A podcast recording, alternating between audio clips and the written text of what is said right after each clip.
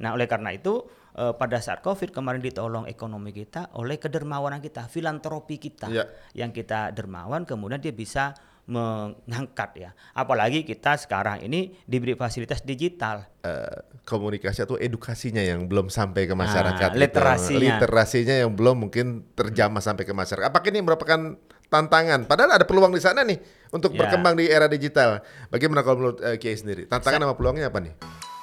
Assalamualaikum warahmatullahi wabarakatuh. Selamat datang di Podcast Eksyar, podcast ekonomi dan keuangan syariah. Selamat datang di podcast Ekshare, podcast ekonomi dan keuangan syariah.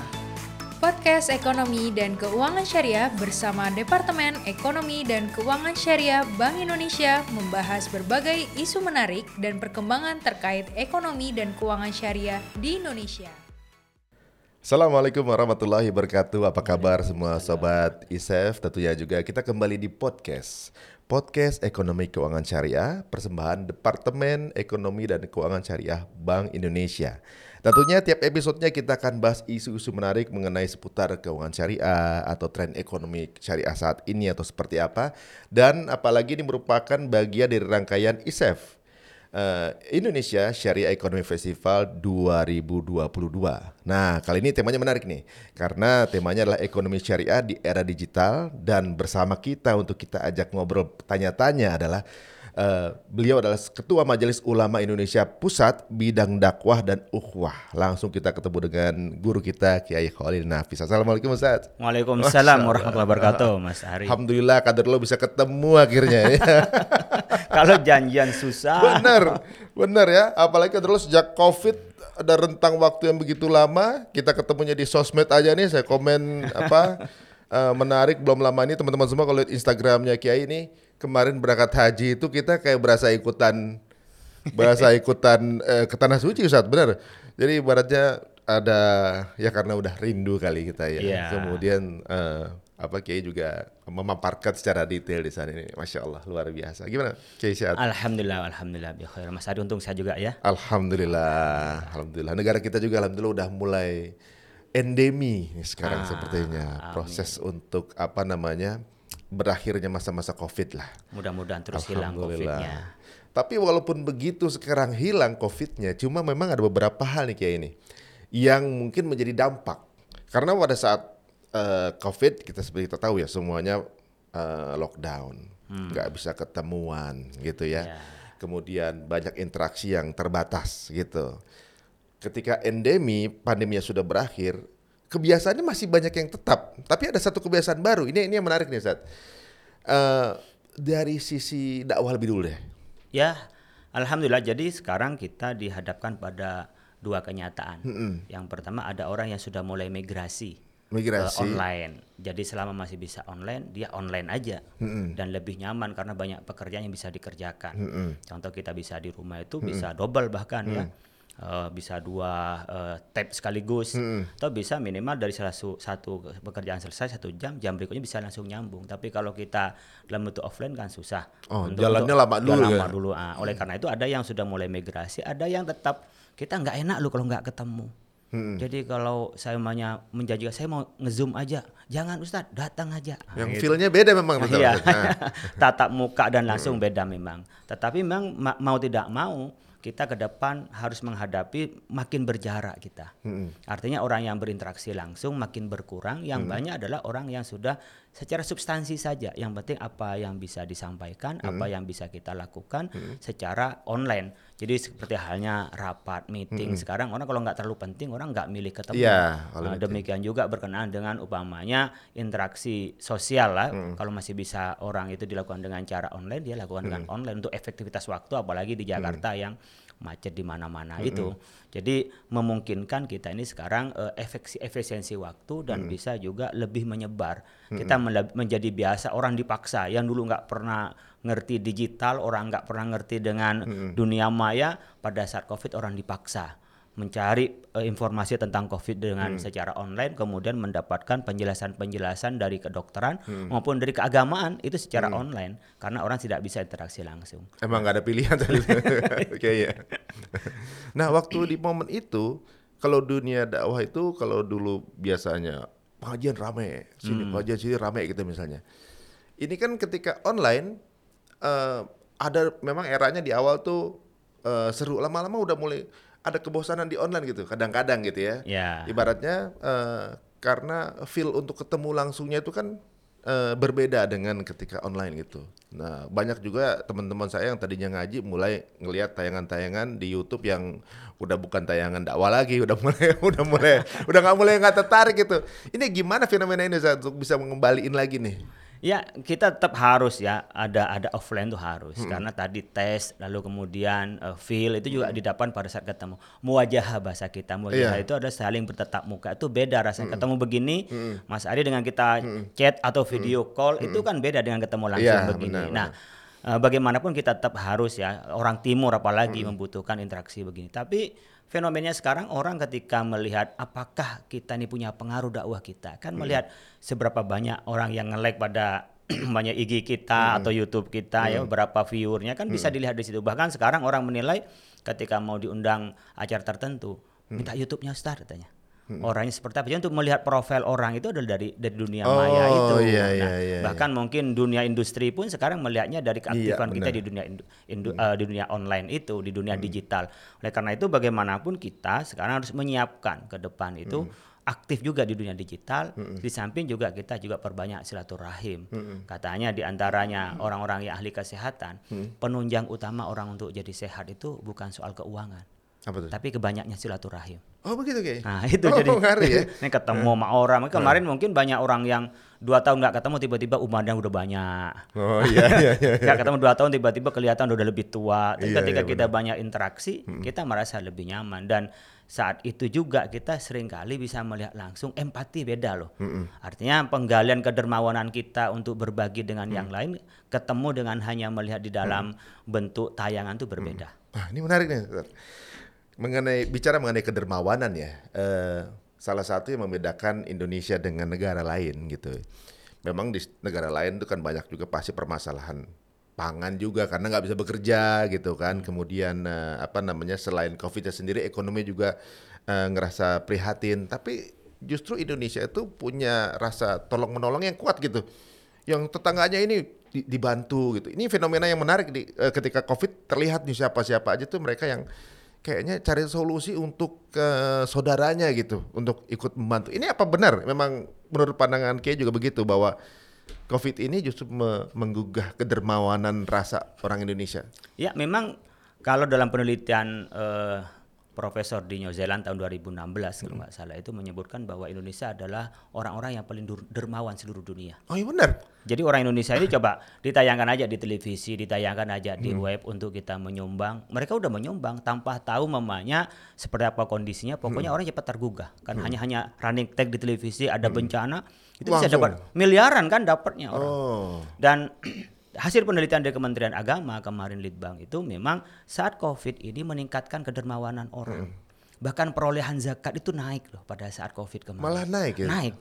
Jadi kalau hitung-hitung dengan ekonomi yang turun karena Covid, tapi zakat naik. Zakat naik. Padahal sebenarnya zakat itu dari pendapatan ya. Dari Pendapat- pen- pendapatan turun dia naik zakat. mungkin orang melebihkan yang Hmm. harusnya mungkin mengeluarkan dua setengah persen kalau dalam zakat Hmm. eh, profesi itu kan ditetapkan dalam fatwa MUI dua setengah persen itu mena- mena- naik itu pendapatan di Basnas itu Oh. sedekah juga naik dan kita melihat di kenyataan seperti tadi Mas Ari Untung lihat di masjid-masjid Hmm. orang itu dengan mudah men- mendermakan hartanya jadi orang berpikir buat apa sih harta banyak-banyak kalau tidak didermakan sementara kematian di depan mata Oh, teman-teman yang kemarin sehat besoknya sudah dipanggil oleh Allah. Nggak terasa satu keluarga dipanggil bersama-sama oleh Allah Subhanahu wa taala. Yang menjadi bekal pada saat disedekahkan. Nah, eh, siswa zakat, infak dan wakaf sedekah itu di Indonesia memang paling yang menjanjikan dengan populasi eh, umat Islam sekitar 229 juta dari populasi 272,5 juta penduduk Indonesia itu itu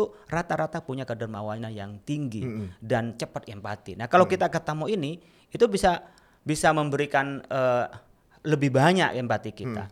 Dan saat yang bersamaan ketika ekonomi tidak bergerak, kemudian siswa itu berjalan dengan baik, maka daya beli masyarakat tetap ter- tertolongkan. Jadi kalau dihitung-hitung dengan berapa mereka mendapatkan penghasilan, maunya berhenti. Ya kalau saya sebagai ustadz ya, teman-teman itu yang bekerja seperti halnya imam rawatib itu kan dapat uh, salary lah, ya, dapat dapat, dapat eh, penghargaan dari masjid begitu juga ketika ceramah. Saat kemarin covid mereka nggak bekerja. Dan mereka ya karena ustadz pasti mereka itu eh, menjaga ifah, menjaga muruahnya, Ya. menjaga marwahnya, tidak minta ke mana-mana, Ya. tetap aja mereka tuh menahan diri. Tapi di sini kan melahirkan orang ke dermawan, wah kasihan ustadz itu, sayang ke ustadz ini. Nah begitu juga kepada masyarakat, oh dia biasanya berjualan di pinggir umumnya di kaki lima, tapi sekarang udah tidak. Orang tergugah untuk memberi. Nah oleh karena itu ekonomi tetap berjalan. Dan ini dari ekonomi tolong menolong. Ekonomi di mana di antara kita bisa menolong kepada yang lain dan itu lebih banyak memang sentuhan ketika melihat langsung. Ya, ketika Nah. melihat langsung, wah biasanya ke masjid udah nggak lagi ketemu di masjid. Udah. Di mana? Pas ketemu, wah ternyata dia tidak bekerja.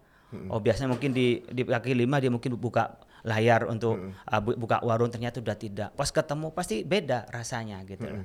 Nah oleh karena itu eh, pada saat covid kemarin ditolong ekonomi kita oleh kedermawanan kita, filantropi kita Ya. yang kita dermawan kemudian dia bisa mengangkat ya. Apalagi kita sekarang ini diberi fasilitas digital. Orang bisa berderma tanpa ketemu, Tanpa keluar rumah. tanpa keluar rumah, tinggal kita mentransfer.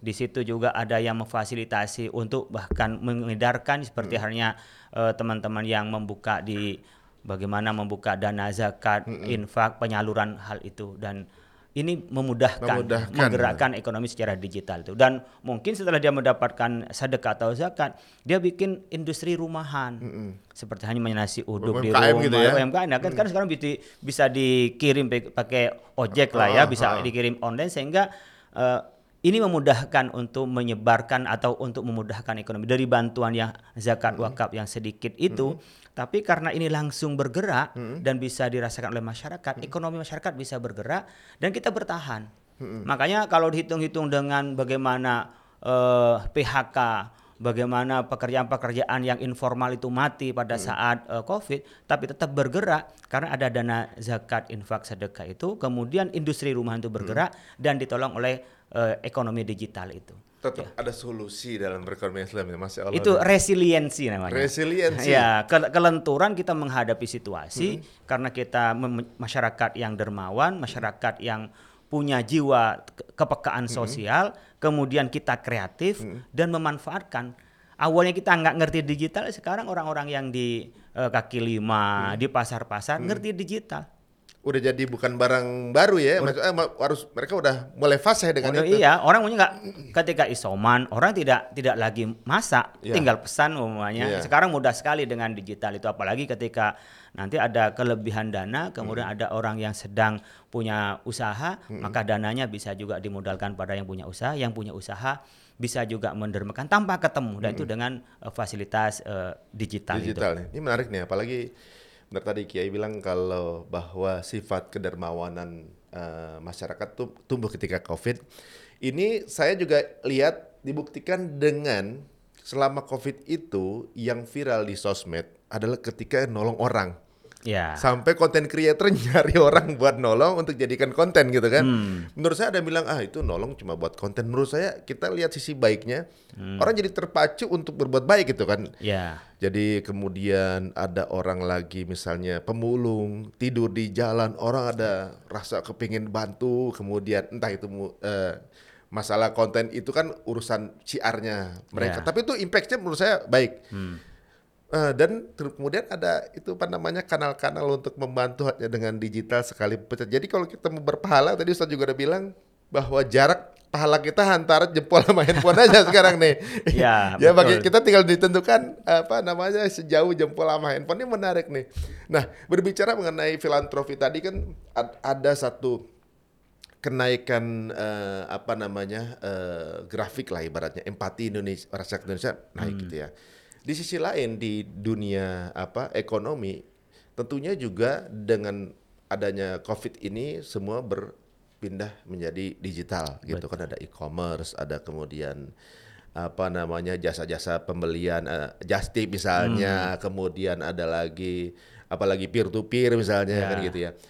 Nah, apakah kemudian di sisi ekonomi yang syariah juga ikut kipap nih? Kayak apa juga ikut membersamai gitu. Ya. tentunya juga kan pasti banyak juga di antara teman-teman kita juga yang masih menjaga apakah akad akad dengan cara ini benar atau enggak, ada yang salah atau enggak. Masih banyak yang malu malu-malu kucing, Zat. Jadi ibaratnya jalanin apa enggak ya? Kita harus ketemu langsung atau enggak gitu ibaratnya. Padahal sekarang udah dimudahkan. Ini gimana menyikapinya nih? Iya, eh, kami memang di Majelis Ulama Indonesia mengeluarkan fatwa 117 ya tahun 2014 berkenaan dengan transaksi secara online. ya. Online, ha. Eh, kita ingin menyampaikan bedanya antara ibadah dan muamalah terletak pada persepsi dan ketentuannya. Persepsinya itu apa? Kalau di dalam ibadah itu al aslu fil ibadah ada al eh, al haram. Ibadah itu pada dasarnya haram. Jadi Mas Ari Untung tidak boleh ibadah kalau nggak ada dalilnya.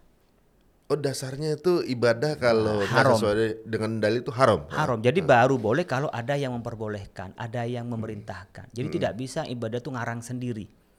Oh iya Ya, jelas. jelas. al aslu al haram. Jadi pada dasarnya tidak boleh kecuali ada perintah, ada yang memberikan tuntunannya itu baru boleh. Berbeda dengan muamalah al aslu fil muamalah al ibahah. Ba- Dasarnya muamalah transaksi jual beli itu boleh. Jadi kalau ada orang transaksi itu melakukannya, mana dalilnya? Karena nggak ada dalilnya tuh maka jadi Malah boleh. boleh? Iya. Oh. Jadi jangan jangan Pak kok transaksi online Pak mana dalilnya? Nggak ada Oh, dalilnya. iya, iya, iya, Karena nggak ada dalilnya maka jadi boleh. Oh. Beda sama ibadah, jangan sampai kita bikin kayak model Ka'bah sendiri, kemudian dia putar-putar kayak haji, ya itu nggak boleh itu. Atau ya. takbirnya begini Wah, gitu kan nggak nggak boleh. boleh Ya, ya. Harus ada tuntunannya. Tapi muamalah selama tidak ada tuntunan di dalam muamalah itu menjadi boleh. Nah, tapi harus dimitigasi. Oh, iya, iya, harus di kerangka jangan sampai ada kezoliman. Nah, apa disebut dengan kerangka kezoliman itu jangan sampai ada maghrib. Oh itu maghrib. Maghrib itu mais, maisir, maisir, ya. Jangan sampai ada maisir, jangan sampai ada spekulasi yang merugikan orang lain. Oh gitu. Kalau spekulasi nggak merugikan orang lain boleh, boleh kayak kita beli dagangan, pamannya nanti saya jual di bulan Ramadan. Pas bulan Ramadan belum tentu ini laku, model sudah berubah. Itu kan untung-untungan yang nggak merugikan orang lain. Tapi kalau spekulasi yang merugikan orang lain seperti judi, kalau saya bayar, bayar sekian, dia yang rugi. Nah, kalau dia ngambil begini, dia yang rugi. Itu ada spekulasi maisir namanya perjudian lah bahasanya. Jangan sampai ada perjudian seperti halnya future trading kalau dalam ilmu eh, apa di di pasar modal ya. Di pasar modal itu ada seperti eh, future trading. Jadi kita beli sekarang tapi barangnya yang akan datang spekulasi nanti barang ini akan naik, kata satunya nanti akan turun. Nah, itu itu spekulasi, nggak boleh. Yang kedua ada tidak boleh ada goror. Oh. Goror itu ada tipu-tipu. Ya nggak jelas gitu. Nggak jelas. Kalau Nabi mencontohkan kalau dulu ada gandum, atasnya kering cakep, pas di tengah-tengah yang basah, bawah yang busuk. Ah, Oh itu penipuan ya. itu penipuan goror itu nggak boleh Oh. goror gitu. Jadi kalau ada memang ada cacatnya sampaikan aja yang ada cacat. Seperti jual baju saja mamanya awalnya bagus tapi di sini ada sobek nggak diberi tahu ada sobeknya. Ah, Orang Oh. merasa menganggapnya baik atau yang paling mudah kalau kita jual di apa beli telur di pasar kan biasa ada tutupnya tempatnya telur itu loh. Diisi semua pinggirnya. Tahu-tahu di tengah kosong. Oh, zong gitu. Ya, so ini, ini orang ngelihatnya wah ini full nih, ada berapa Eh, kotak ini, padahal di tengah itu dikosongin. Itu nggak boleh ada goror. Itu nanti mamanya ketika kita menjual secara online, nanti jangan sampai ada yang yang ditampilkan yang bagus-bagus, tapi yang dikirim adalah yang buruk. Beda. Itu ada adalah Ah, itu goror. sering terjadi sebenarnya. Ya itu Oke, goror, ah. itu goror. Kita ada ada harus ada garansi di situ. Ya, harus ada uh, masa khiar nama dalam Islam itu. Waktu memilih antara jadi dan tidak jadi. Nah, R-nya itu riba. Ri- Oh. Riba itu ada dua, ada riba nasi, ada riba fadl. Kalau riba fadl itu adalah dari emas, perak, ya, kemudian buah-buahan seperti gandum itu jenisnya sama, tetapi mereka ditukar dengan yang lebih banyak. Umpamanya kalau dikiaskan kepada emas, uang umpamanya, uang 100 ribu bulat ditukar dengan 100 eh, 90 ribu pecahan. Itu kan barangnya sama, waktu yang sama, tapi dia lebih rendah dengan yang lain. Itu nggak boleh. Itu riba fadl namanya. Oh, ses- se- sampai sedetail itu ya? Setelah jadi nggak nggak boleh. Umpamanya, wah ini ada uang 75 baru. Ditukar dengan berapa? Dengan uang 50-an ribu dua. Nah, padahal kan ini sama-sama uang, itu tidak boleh. Nah, karena apa? Lebih banyak daripada yang satu. Kalau mau ditukar 75 ya dengan 75. Karena yang kita hitung bukan kertasnya, tapi harganya. Itu riba fadl. Ada namanya riba nasiah. Riba nasiah itu adalah eh, value of time ya. Jadi orang minjem eh, uang, kemudian kalau bayar besok itu nambah li- eh, umpamanya satu persen, besoknya lagi satu persen. Jadi yang bertambah utang itu berdasarkan waktu. Kalau kita kenal seperti halnya barangkali rentenir rentenir lah ya, rentenir. Jadi anda mau bayar kapan? Bulan depan, yaudah nambah. Umpamanya lima puluh ribu lagi pinjamannya satu juta, nggak bisa bayar rumahnya, ya mau pindah namanya bulan depannya lagi. Ya sebenarnya pinjol-pinjol yang model rentenir itu ya, karena pinjaman online yang itu dilakukan seperti rentenir kan tidak semua pinjol itu sama. Ada yang model syariah juga, artinya di mana kita kerjasama. Nah ini yang dimitigasi tidak boleh terjadi pada saat online. Nah yang dianjurkan di dalam Islam dalam akad-akad itu memenuhi bisa kot, jadi bisa pinjam-pinjam tanpa ada hasil. Udah kayak temen minjem duit mau bayar sekolah buat anaknya, Segitu pinjam, Ah, segitu udah udah dibalikin. itu juga kapan dibalikin itu namanya kot kordul hasan. Jadi kita Hmm. pinjem nolong sama orang lain. Ya. Niatnya kalau udah kodul hasan tuh Lillahi taala. tidak salah. Oh, tapi boleh lagi. Ya harus nagih. Oh, kodeo kalau kodul kodul saya Saya pinjemin deh. Ha-ha. Kadang kan saya teman saya bilang begini, bedanya nih kalau misalnya minjemin biasa nih ditagi ya harus selesai apa namanya sesuai itu tanggalnya sesuai tanggal waktu. Kalau kodul Hasan kita kita pinjemin udah ikhlas, kalau dia nggak balikin ya udah diiklasin gitu. Oh enggak, bukan beda. Itu, itu. Jadi di awal harus akadnya jelas. Oh, iya, Jadi iya, di iya. Islam itu apa yang membedakan antara yang haram dengan yang halal Hmm. itu pada pada akadnya. Mirip dengan orang suami istri. Apa bedanya orang yang kumpul sapi, eh kumpul kebo maksud saya. dengan Malu amat kumpul Iya, kebo. antara kumpul sapi dengan orang yang menikah apa bedanya? Kalau apa aktivitinya sama ya? Aktivitas sama, hasilnya juga kadang-kadang sama, kadang-kadang hasil, kadang-kadang nggak hasil. Heeh. Yang membedakan akadnya. Oh iya. Jadi kalau yang kumpul kebo mungkin bisa saja itu uang belanjanya lebih besar daripada yang menikah. Tapi dia haram karena akadnya nggak benar. Oh. Sementara yang akad mungkin uang belanjanya lebih sedikit, tapi akadnya benar. Ini Mm. malah halal dapat pahala. Oh. Jadi akadnya, jadi harus dipersiskan. Nah, Qardul Hasan itu akad dari awal saya pinjamkan kepada Anda, umpamanya janjinya berapa? Tahun apa bulan depan, tapi kita nggak minta lebihan apa-apa, itu kod itu. Oh. Tapi ada waktu namanya orang ngutang itu harus ada waktu kapan bayar. Ya. Kalau misalnya lewat nih, karena ada gak ada yang ngutangin. boleh intermezzo sedikit? Boleh, boleh, boleh. Saya misalnya ada ngutangin orang nih, mesti bayar tanggal 1. Kemudian dia lewat gitu dari tanggal tersebut. Kita sikapnya mesti apa? Ngasih waktu dia. Ngingatin, ini kita udah nyampe waktunya, Heeh. nah, apa sudah ada duit atau tidak. Heeh. Kadang-kadang kita akan nggak enakan ya. Heeh. Nah mungkin kadang-kadang dengan menjapri dia ingat kalau dia punya utang. Tapi kalau ternyata umpamanya nanya apalah kan kadang-kadang begitu kita Pura-pura orang- lupa kan? Nah pura-pura lupa ya kita tanya, ini duit yang pinjam ke saya sudah ada nggak untuk bayarnya? Mau gitu. Oh saya nggak ada. Oh ya udah kapan bisanya? Harus ditanya. Oh, Karena dikasih u- tenggat lagi. ketenggat lagi lah. Itu namanya kita memberikan tenggat kepada orang lain. Oh gitu. Soalnya zaman sekarang eh, Kiai kalau misalnya lagi ngutang gitu, kadang pas ngutang itu melas, pas lagi ditagih dia lebih galak. Nah, nah, itu dia. Nah, ini ini yang yang kod ya. Jadi artinya orang Qardul Hasan itu meminjamkan pada orang tanpa pamrih apa-apa, Tanpa lebihan, hanya po- tanpa lebihan apa-apa dan hanya mengharap ridho Allah karena nolong orang lain sedang butuh. Kita Hmm. mau ngasih masih butuh uang kita, sementara kita membantu pada orang lain tapi kita tidak minta lebih apa-apa itu kod. Mm-mm. Nah, bisa saja nanti umpamanya kalau seperti japtip, itu japtip, japtip itu kan bisa bisa kita dengan wakil. Tolong mewakilkan belikan saya. Oh iya bisa iya iya. itu tolong mewakilkan untuk belikan nanti kita bayarkan gitu. Bisa saja dikirimkan transfer Mm. transfer duitnya. Berapa sekian nih saya beliin yang model begini itu namanya wakil. Nah, wakala bil ujro bisa. Wakil minta ongkos. Jadi kalau Mas Ari untung ke Hong Kong, kemudian ada orang pesan umumnya casper ya kan, sabuk yang begini. Oke, berapa harganya? Oh sekian eh, juta lah kalau uang Indonesia 2 juta, yaudah ditransfer 2 juta. Jasanya dong 2 juta 200 semuanya. Itu boleh ya? Itu boleh. Jadi Ujroh ya? 200 namanya ujroh itu. Jadi banyak yang sifatnya orang itu mewakilkan atau pesan itu bisa dengan ujroh. Tapi kalau seperti hanya beli rumah, dia bisa pakai murabahah. Murabahah itu artinya ketika kita beli online, ini eh, gambarnya seperti ini, luasnya 200 meter, ta- eh, tanahnya sekian, harganya berapa? 2 miliar. Oke, harganya 2 miliar, kita jual ini kepada orang lain yang awalnya beli berapa? Saya beli. Oh awalnya saya beli umpamanya eh, satu miliar setengah. Saya minta untung 500 juta. Itu boleh. Jadi murabah itu menjual sesuatu kepada orang lain yang memberikan memberi tahu harga pokoknya dan berapa keuntungannya Hmm, ternyata walaupun digital pun bisa melakukan akad-akad yang biasanya kita ini langsung juga ya. Tapi Di- per- perlu tetap harus misalnya kayak beli rumah tetap harus lihat lokasi sih. boleh lihat lokasi boleh tidak Oh, boleh juga, Seti- se- yang penting ada speknya Oh. ketika dia tidak sesuai dia bisa komplain bahasa kita bisa komplain bisa khiar bisa milih minta garansi ini kan seperti ini maka harus kom- bisa bisa komplain sesuai dengan eh, spek itu Misalnya dia cicilan, ya, kayak 2 miliar, 2 meter, bayar dua- eh, 20 juta, saya beli semeter dulu gitu. tapi itu bisa bisa dengan istisna namanya. Kalau istisna itu ini barangnya apa ini tempatnya kemudian digambarnya baru dibikinin.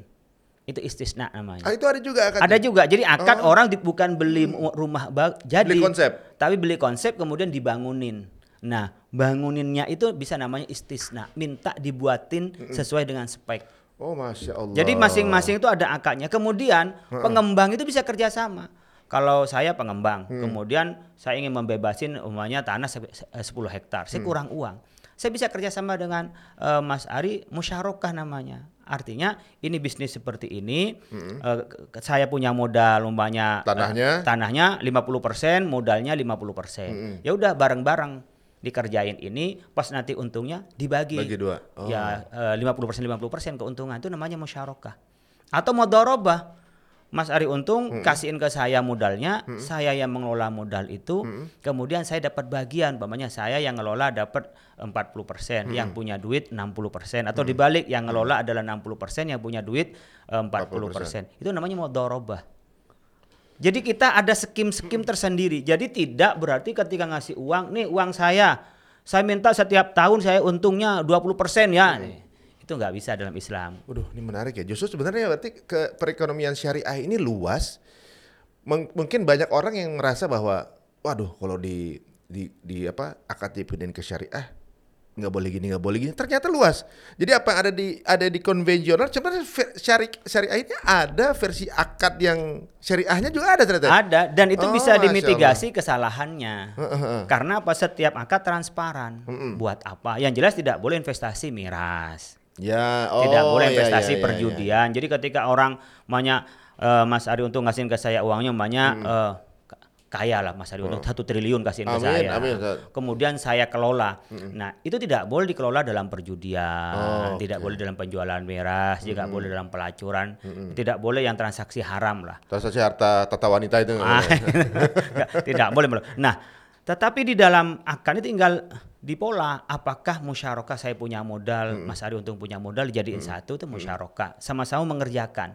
Atau Mas Ari sudah nggak mau tahu lah, Kiai, silakan Kiai yang bisnisin, nanti saya minta bagiannya 30% dari keuntungan. Nah, jadi 70% untuk yang ngelola. Ya nanti kita dari laporan akhir tahun berapa keuntungannya dikasih. Jadi di dalam syariah itu antara pemilik modal dengan pekerja itu equal ya. Jadi sama-sama punya peluang Masya dapat, bisa pulang-pulang juga rugi. Tidak semua setiap uang pasti untung terus punya Benar, uang benar. untung terus gitu kan. Tidak. Yang membedakan antara ekonomi syariah dengan konvensional itu biasanya biasanya kalau pemodal terlalu mau untung kalau di konvensional kan. Ah, itu. Kalau di di syariah tuh menariknya bahwa untung bareng rugi bareng. Nah, itu. Dua Makanya yang- duanya menghargai jadi. Nah. Jadi Nah. masing-masing punya effort. Hmm, Saya kalau ini maju usaha itu saya bisa lebih banyak loh Hmm. returnnya. Tapi kalau ini turun, saya bisa turun itu bahkan bisa rugi kan gitu. Hmm, ini menarik nih. Ini teman-teman sebenarnya kalau kita ngobrol dari tadi kita perhatikan hanya dari satu konsep bahwa eh yang membedakannya tadi tadi biasanya dulu mungkin orang nanya mengenai satu hal dan lainnya gitu kadang-kadang nyampur ya antara ibadah dan juga muamalah. Ini menarik tadi dari awal ternyata pas ditelusuri eh, belakangnya ini cukup detail dan panjang. Kalau ibadah yang kita perhatikan bagaimana sebenarnya halalnya, justru muamalah kita cari eh, mana yang jangan gitu Pak Set ya. Ya. Selama yang jangan ini kita Belum ada? eh, yang jangan ini kita tahu, sisanya halal. Halal Betul. semua. Ah, Betul. Asal kita tahu yang jangan, yang haramnya seperti apa, eh, apa, yang halal apa, yang ha- yang nggak bolehnya seperti apa, sisanya boleh semua. Boleh semua. Ah, ini menarik nih. Jadi ternyata Kebalikannya ibadah. ibadah kalau kita udah tahu yang halal seperti ini, Ah. sisanya jadi haram. Haram semua. Nah, ini menarik nih. Ini banyak juga soalnya beberapa teman saya. Oh ya, ada lagi nih. S- eh, Oke, jadi ibaratnya gini. Eh, teman saya itu kalau belanja e-commerce, belanja e-commerce kan ada beberapa apa cara pembayaran. Nah, ternyata di beberapa e-commerce gitu dalam pembelian misalnya di 2 juta, 3 juta gitu ya, ada cara pembayaran angsuran. Ya. Nah, beliau nggak milih itu. Karena dia pikir saya takut terjebak di riba kalau di situ. Nah, Ah. itu bagaimana tuh Kiai? Itu kan kehati-hatian beliau tuh ya. Ya. Itu bagaimana tuh Kiai? Karena di e-commerce itu berarti halal semua kan kalau selama itu seperti yang Kiai bilang tadi. Nah, Ya. kalau ada part itunya bagaimana Kiai? Ya memang namanya dalam Islam baik taksid. Eh, penjualan yang bayar dengan cara cicil. Jadi sebenarnya akad sudah sempurna. Pada saat akad sempurna cuma cara bayarnya dibikin berapa lama menjadi muajjal. Muajjal itu artinya dengan tangguh, dengan tempo. Nah, selama ini akad tidak berubah harga seterusnya itu nggak ada riba. Jadi ini Selama nggak ada bunganya. Iya nggak nggak ada perubahan harga dan Perubahan tidak ada harga, perubahan cicilan. Ini kadang-kadang kan suku bunga naik ikut naik itu yang membuatkan riba.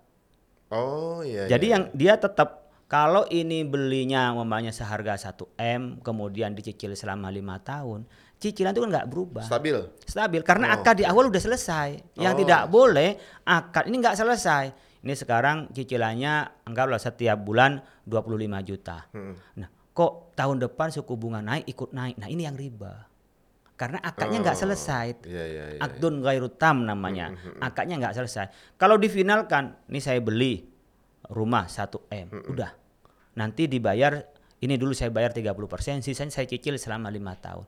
Dia nggak berubah. Jadi akad sam- tetap eh, cicilan tetap ini nggak riba. Tapi yang nanti ada fluktuatif berdasarkan bagaimana suku bunga, berdasarkan ekonomi perekonomian nasional dan seterusnya, berdas- itu yang menjadi riba. Kan ada tambahan-tambahan berdasarkan waktu kemudian dengan fluktuasi dan itu menjadi horor. Kenapa horor? Menjadi tidak jelas. Ketipu saya pikir murah, Oh. dihitung-hitung kok jadi mahal lebih- karena ya, kenapa ah. kenaikan suku bunga ini kok Oh. banyak banget gitu. Jadi justru ketika em, akadnya menyicil, si peminjam ini jadi punya eh, perhitungan untuk apa namanya dalam setahun ini saya Hmm. menyiapkan bagaimana dananya secara stabil kan. Stabil. Kalau tiba-tiba nanti kalau mengikuti bunga bisa naik turun kan? Naik Wah nggak saya udah siapin begini tiba-tiba naik lagi gitu kan bisa bahaya Dan juga. itu bisa mengubah pada akad yang pertama, berarti akadnya nggak selesai. Tadi Hmm. kan kita sampaikan bedanya antara yang syariah tidak syariah pada akad. Hmm. Kalau nanti di tengah masih berubah, berarti akad nggak selesai. Dalam Islam itu kalau akad harus selesai, harus tuntas. Sisanya tinggal prakteknya. Tinggal prakteknya pembayaran. Karena kalau nanti ini masih naik turun, berarti harga belum final.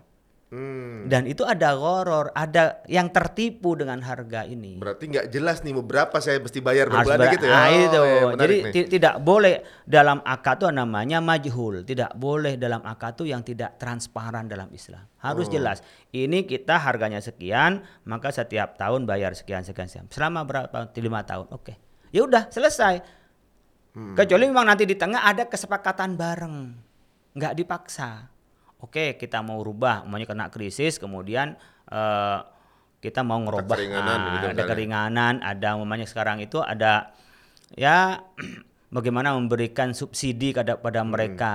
Madfanadhiratun ila maisaro ada waktu tunggu untuk di waktu yang lebih mudah, yang lebih longgar dan diperpanjang diperpanjang, cicilannya gitu ya. cicilannya Oh, diperkecil. itu boleh. Itu boleh dan itu adalah hak tanazul, namanya hak melepaskan ke, eh, haknya dari orang yang yang menjual.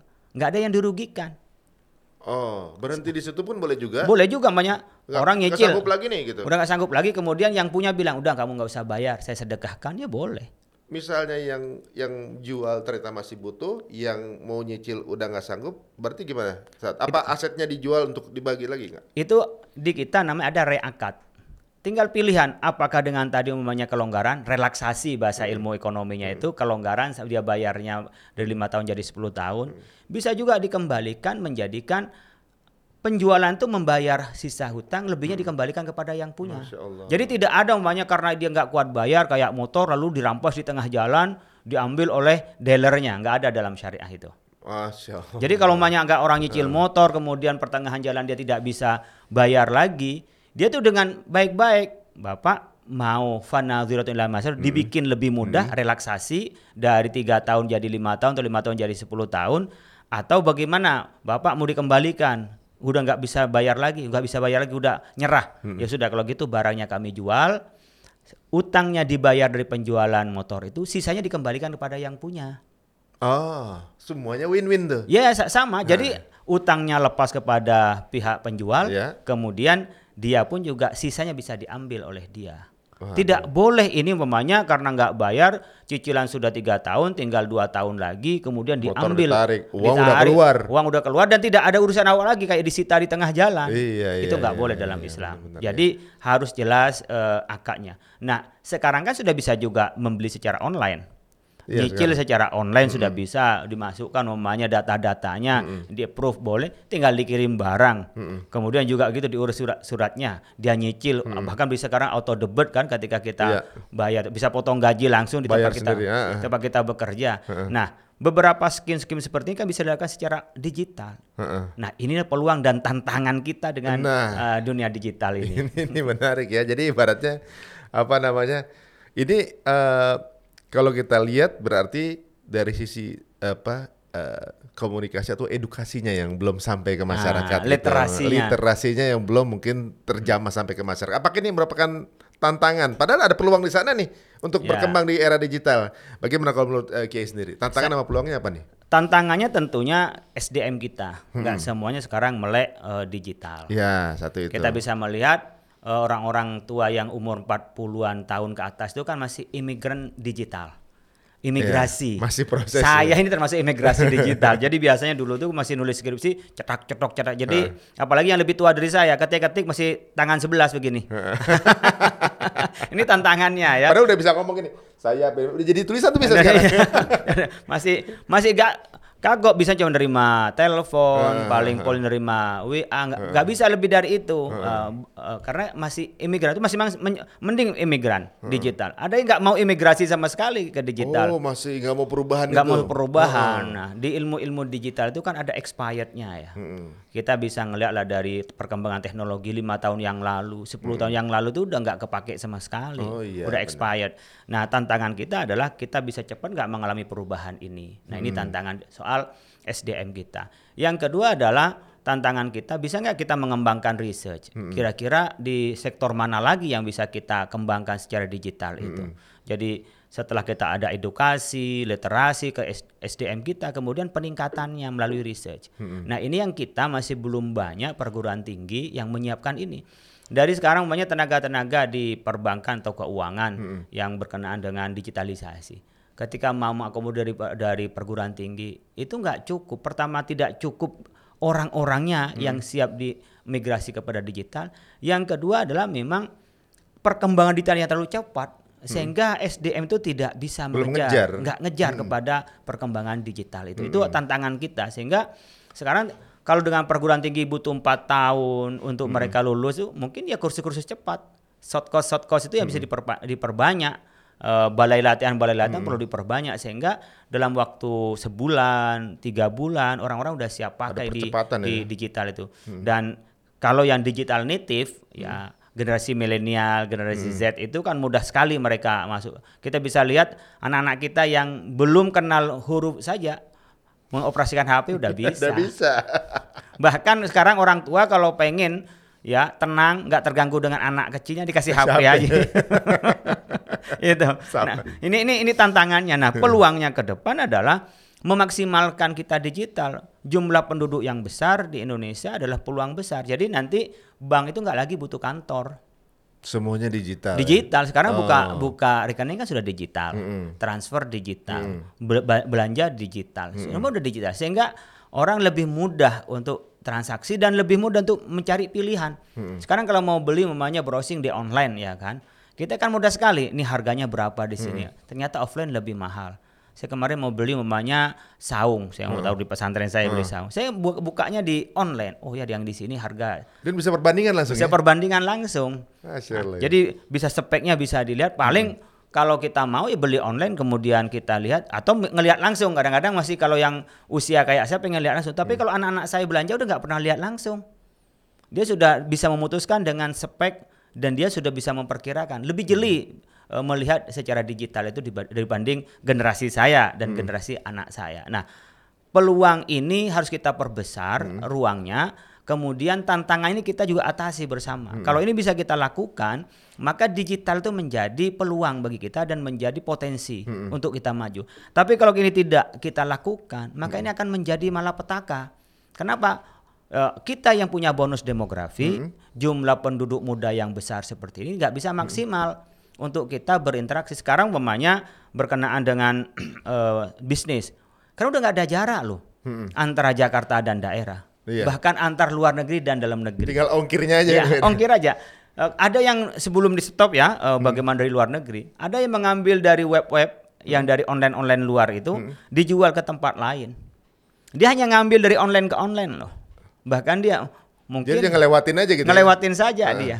Kemudian dia jual kembali. Nah, kalau Reseller jatuhnya ya? jadi reseller juga. Nah, dan ini juga bagi kita negara kalau tidak segera regulasinya diperbaiki, kan beberapa potensi pajak yang hilang dari kita. Nah, Jadi pembiayaan negara pun juga akan mengalami loss karena beberapa potensi pajak yang tak bisa diambil dari transaksi. Mungkin sekarang sistem sudah mungkin diperbaiki sehingga ini sudah bisa diatur. Nah, peluang dan tantangan ini menurut saya bagi bangsa Indonesia yang jumlah penduduk milenialnya besar, pemudanya besar adalah peluang besar. Hanya tinggal bagaimana memaksimalkan SDM yang baik, kemudian ya memproduksi yang banyak karena kita ini masih menjadi negara konsumen, belum Ya. sebagai negara produs- produsen. Ini menarik soal obrolan kita nih. Kita hanya terbatas dengan waktu nih Kiai ini. Tapi memang kalau sekarang eh, jadi terbuka mata kita nih teman-teman semua sobat ISEF ya. Bahwa yang digambarkan sa- sama Kiai tadi bahwa semua akad di digital ini ternyata masuk ke dalam akad-akad syariah kita. Jadi selama yang kita faham di mana ranah yang haramnya, sisanya semua halal. Dan walaupun akadnya halal, yang kita transaksikan itu bendanya mesti halal juga ya. Mesti ya. Nah sekarang ini peluang bahwa kalau menurut kalau nggak salah ya di Global Islamic Index itu bahwa eh, semua apa namanya elemen transaksi itu ternyata di di apa namanya di eh, transaksi syariah Indonesia masih belum mengambil peran. Tadi Ustadz juga bilang kalau kita ini pasarnya besar. Ya kalau nggak salah 17 sampai 18 persen Muslim di dunia itu di Indonesia. Berarti sebenarnya kita tinggal di tengah-tengah pasar. Ya. Kita ini kan berarti umat muslim terbesar di dunia. Kita tinggal di tengah pasar, tapi kita cuma jadi pembeli. Ini- Konsumen. Iya, kita cuma konsumen. Dibuka sama Kiai hari ini di obrolan kita bahwa akadnya semua aman, ya. Kita pelajari aja mana yang kira-kira berbahaya, sisanya semua aman, semuanya bisa kita laksanakan. Pasarnya ada di kita. Ayo sekarang kita jadi pemain. Ini masya Allah luar biasa, Kiai. Mudah-mudahan kita bisa eh, apa namanya menyambung pembicaraan ini yang menarik ya, Kiai, dan bisa membuka mata para sobat ISEF ini, para pelaku usaha UMKM yang lagi mau berkembang bahwa banyak sekali eh, akad-akad yang ternyata belum kita pahami yang memudahkan transaksi kita. Jangan sampai nganggur kita. Iya benar. Karena kita yang punya pasar nih Kita punya sebenarnya. pasar. Terima kasih Kiai waktunya Kiai. Insya Allah mudah-mudahan kita bisa ngobrol lagi. Eh, kita sambung lagi pembicaraan yang menarik ini. Itu yang juga dengan tema-tema yang berbeda Kiai. Insya Allah. Dan Sobat ISEF, tentunya jangan ke mana-mana, saksikan terus setiap episode dari podcast, yaitu podcast eh, Departemen Ekonomi Keuangan Syariah dari Bank Indonesia. Dan kita akan ketemu lagi di episode berikutnya. Salam ISEF 2022. Assalamualaikum warahmatullahi wabarakatuh. Waalaikumsalam warahmatullahi wabarakatuh. Podcast Ekonomi dan Keuangan Syariah. Podcast Ekonomi dan Keuangan Syariah. Demikian tadi podcast Ekonomi dan Keuangan Syariah episode kali ini. Nantikan episode podcast Ekonomi dan Keuangan Syariah selanjutnya bersama Departemen Ekonomi dan Keuangan Syariah Bank Indonesia.